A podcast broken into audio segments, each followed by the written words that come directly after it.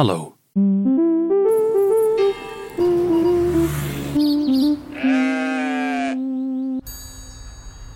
Hallo, ik ben Michiel en deze podcast gaat over gigantisch onbelangrijke dingen die superbelangrijk zijn.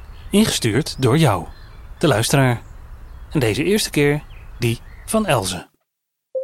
Hallo Michiel, ik heb zo'n ding over vaatwassers en bestek. Je hebt zo'n supermooi bakje, eh, bestekbakje in de vaatwasser. En er zijn gewoon een aantal regels waar je volgens mij gewoon aan kan houden. Ik vraag me gewoon af, waarom zet iedereen dat altijd anders erin? Van die dingen. Aflevering 1 van die bestekbakjes. Elze is mijn overbuurvrouw. En zij woont in net zo'n krap appartementje als wij. Daar is dus echt geen plek voor een vaatwasser. Die heeft ze dan ook niet. En dus ook geen bestekbakje. Wie wel een vaatwasser en een bestekbakje hebben? Annette en Michael. Wat is de juiste manier om de vaatwasser in te ruimen? Bestek met de scherpe kant omhoog. Waarom omhoog? Omdat dat ruimte geeft. En als je alles met de punten naar beneden toe doet, dan heb je minder ruimte. De ruimte is belangrijker dan het risicobletsel. Ja, 100%. Ander iemand in de familie, ben jij het daarmee eens? Nee. Bestaat de juiste manier? Zijn er regels voor? Hier hebben we een hulplijn bij nodig. Annemarie van Leggelo weet alles van etiketten. Oftewel, hoe hoort het eigenlijk? Hallo Annemarie van Leggelo. Ja, goedemiddag. Beste Annemarie, dat mes moet dat met de scherpe kant omhoog of omlaag in het bakje? Ja, eh, algemeen wordt er gezegd dat je het met het handvat naar beneden moet zetten. Dus het gedeelte dat eigenlijk het meest vies is, steek dan naar boven. Want dan kan het best schoongemaakt worden. Nou, de tip is eigenlijk alles omhoog. Maar ik vind dat er een uitzondering is voor de messen. Als jij die kleine kinderen er rond hebt lopen, dan kun je beter omkeren. En dan wordt hij wellicht ietsje minder goed schoon, maar nog steeds wel schoon. Maar voor de messen is er dus eigenlijk gewoon helemaal geen regel. Ik vraag het aan Frank en Ursula. De scherpe punten van het bestek omhoog of naar beneden? Dat maakt echt niet uit. Ik ben het daar totaal niet mee eens. nee, natuurlijk niet. Die punten moeten naar beneden. Waarom? Een van de corvée-taakjes die je kinderen wilt aanleren is de vaatwasser uitruimen. Nou, kijk, als je me het heel precies vraagt, zou ik natuurlijk ook de punten naar beneden. Maar het is niet echt een issue waar ik over nadenk. Hoe vaak eh, heeft het jongste gezinslid alsnog de behoefte om de vaatwasser in of uit te ruimen? Eh, eigenlijk nooit. Maar dus eigenlijk, de kans op menselijk letsel is minder belangrijk. Want ook eh, vorken hebben scherpe punten. Ja, dat is wel een goede vraag eigenlijk, hè? Eh, omdraaien. Het is natuurlijk ook wel gewoon logisch nadenken. Hè? Dat geldt met heel veel omgangsvormen. Wat is, wat is het meest logische? Wat is het meest praktische? Oh nee, Annemarie. We hoopten allemaal op een zeer sluitend antwoord. En dan is het alsnog dat we er zelf over na moeten blijven denken. Ja, goed hè? Daar ben ik ook wel voor. Gewoon bewustwording, bewustzijn en zelf een mening erover vormen. Oh nee. Ik vraag het aan Jacques. Beste Jacques, Ja. hoe zet jij het bestek in het bakje van de vaatwasser? Eh, rechtop. Etiketten is van alle tijden. Het zijn gewoon letterlijk bepaalde omgangsvormen. En die gaan gewoon mee met de tijd. Want wie bepaalt dat? Eigenlijk bepalen wij dat met z'n allen. En in dit geval bepaalt denk ik ook wel een beetje de fabrikant. Annemarie maakt nu een prachtig bruggetje.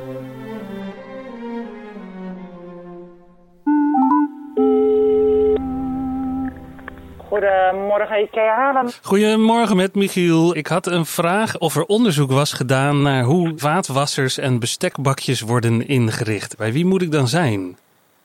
Oh, dat is een goeie. Dat zeggen mensen meestal als ze het niet weten.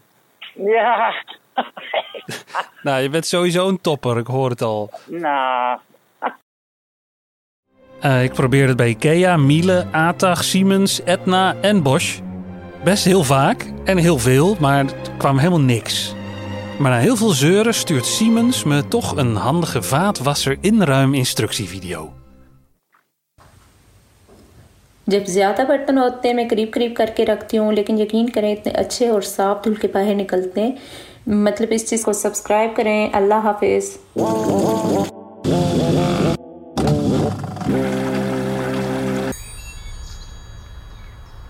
Heel veel etiketten komt uit oude gebruiken. Hoe leg je het bestek neer? Hoe eet je netjes? De vaatwasser bestaat alleen nog niet zo heel lang. Ja, de eerste vaatwasser is in 1886 uitgevonden door een uh, Josephine Cockbrain, als ik het goed zeg, een Amerikaanse uit uh, Illinois. Zo oud, wauw. Een stukje geschiedenis. Josephine Cochrane had een heel duur servies en gaf vaak chique feestjes. En dus was er vaak afwas. Gelukkig had ze daar personeel voor. Het viel Josephine op dat er steeds weer stukjes van het kostbare servies bleven afbreken. Dat verdomde personeel ook.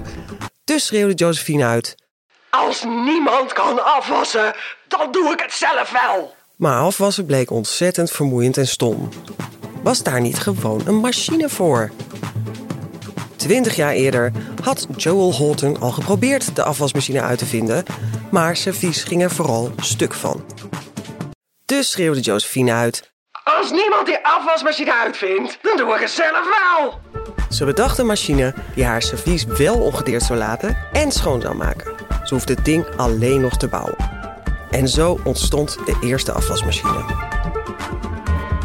Alleen, niemand wilde dat ding voor haar in de markt brengen. Dus Josephine schreeuwde uit: Als niemand die afwasmachine kan verkopen, dan onthul ik hem op de wereldtentoonstelling van 1893 in Chicago. Wat een heel goed idee bleek. Want hotel- en restauranteigenaren met veel afwas zaten heel erg op de machine te wachten. Zo erg dat Josephine een productiefabriek opende. Die later uitgroeide tot de huishoudapparatuurgigant KitchenAid.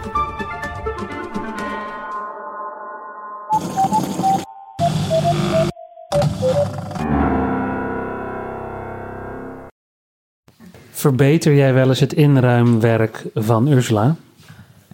Uh, stilzwijgend, ja. Heeft Jorien wel eens jouw inruimwerk verbeterd? Ja, natuurlijk. Want er is natuurlijk nog een lid in dit huishouden. Jorien. Ja. Ik ben erg van de structuurtjes. En Jacques is meer van de... Mm. Je kunt het bijna nooit winnen met dit over die vaatwasser. Want het is een beetje afhankelijk van een karakter, zeg maar ook, hoe je dat inruimt. Dus dat is een belangrijke.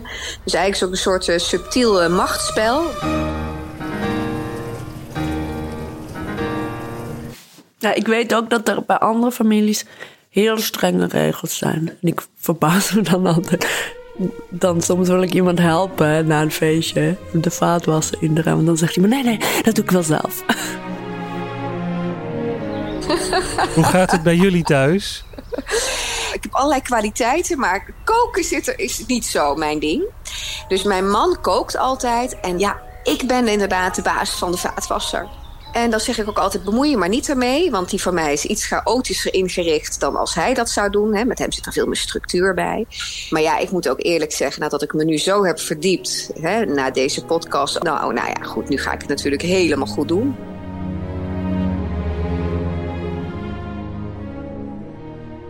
Ik zou sowieso geen vaatwasser meer nemen.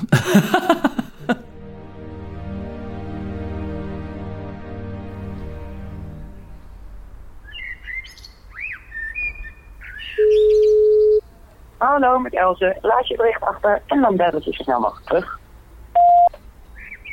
Hey Elze, de aflevering is klaar. Aflevering 1 van Van die Dingen. Dikke love aan Michael en Annette, Frank en Ursula, Jacques en Jorien, de prachtig schreeuwende Lotbroos en natuurlijk Annemarie van Leggelo. En super dikke love aan jou, de luisteraar. Vind je van die dingen leuk? Vertel het dan aan iedereen die je kent. Vertel het online, geef sterren en abonneer je, want dan wordt het allemaal vet leuk en relax.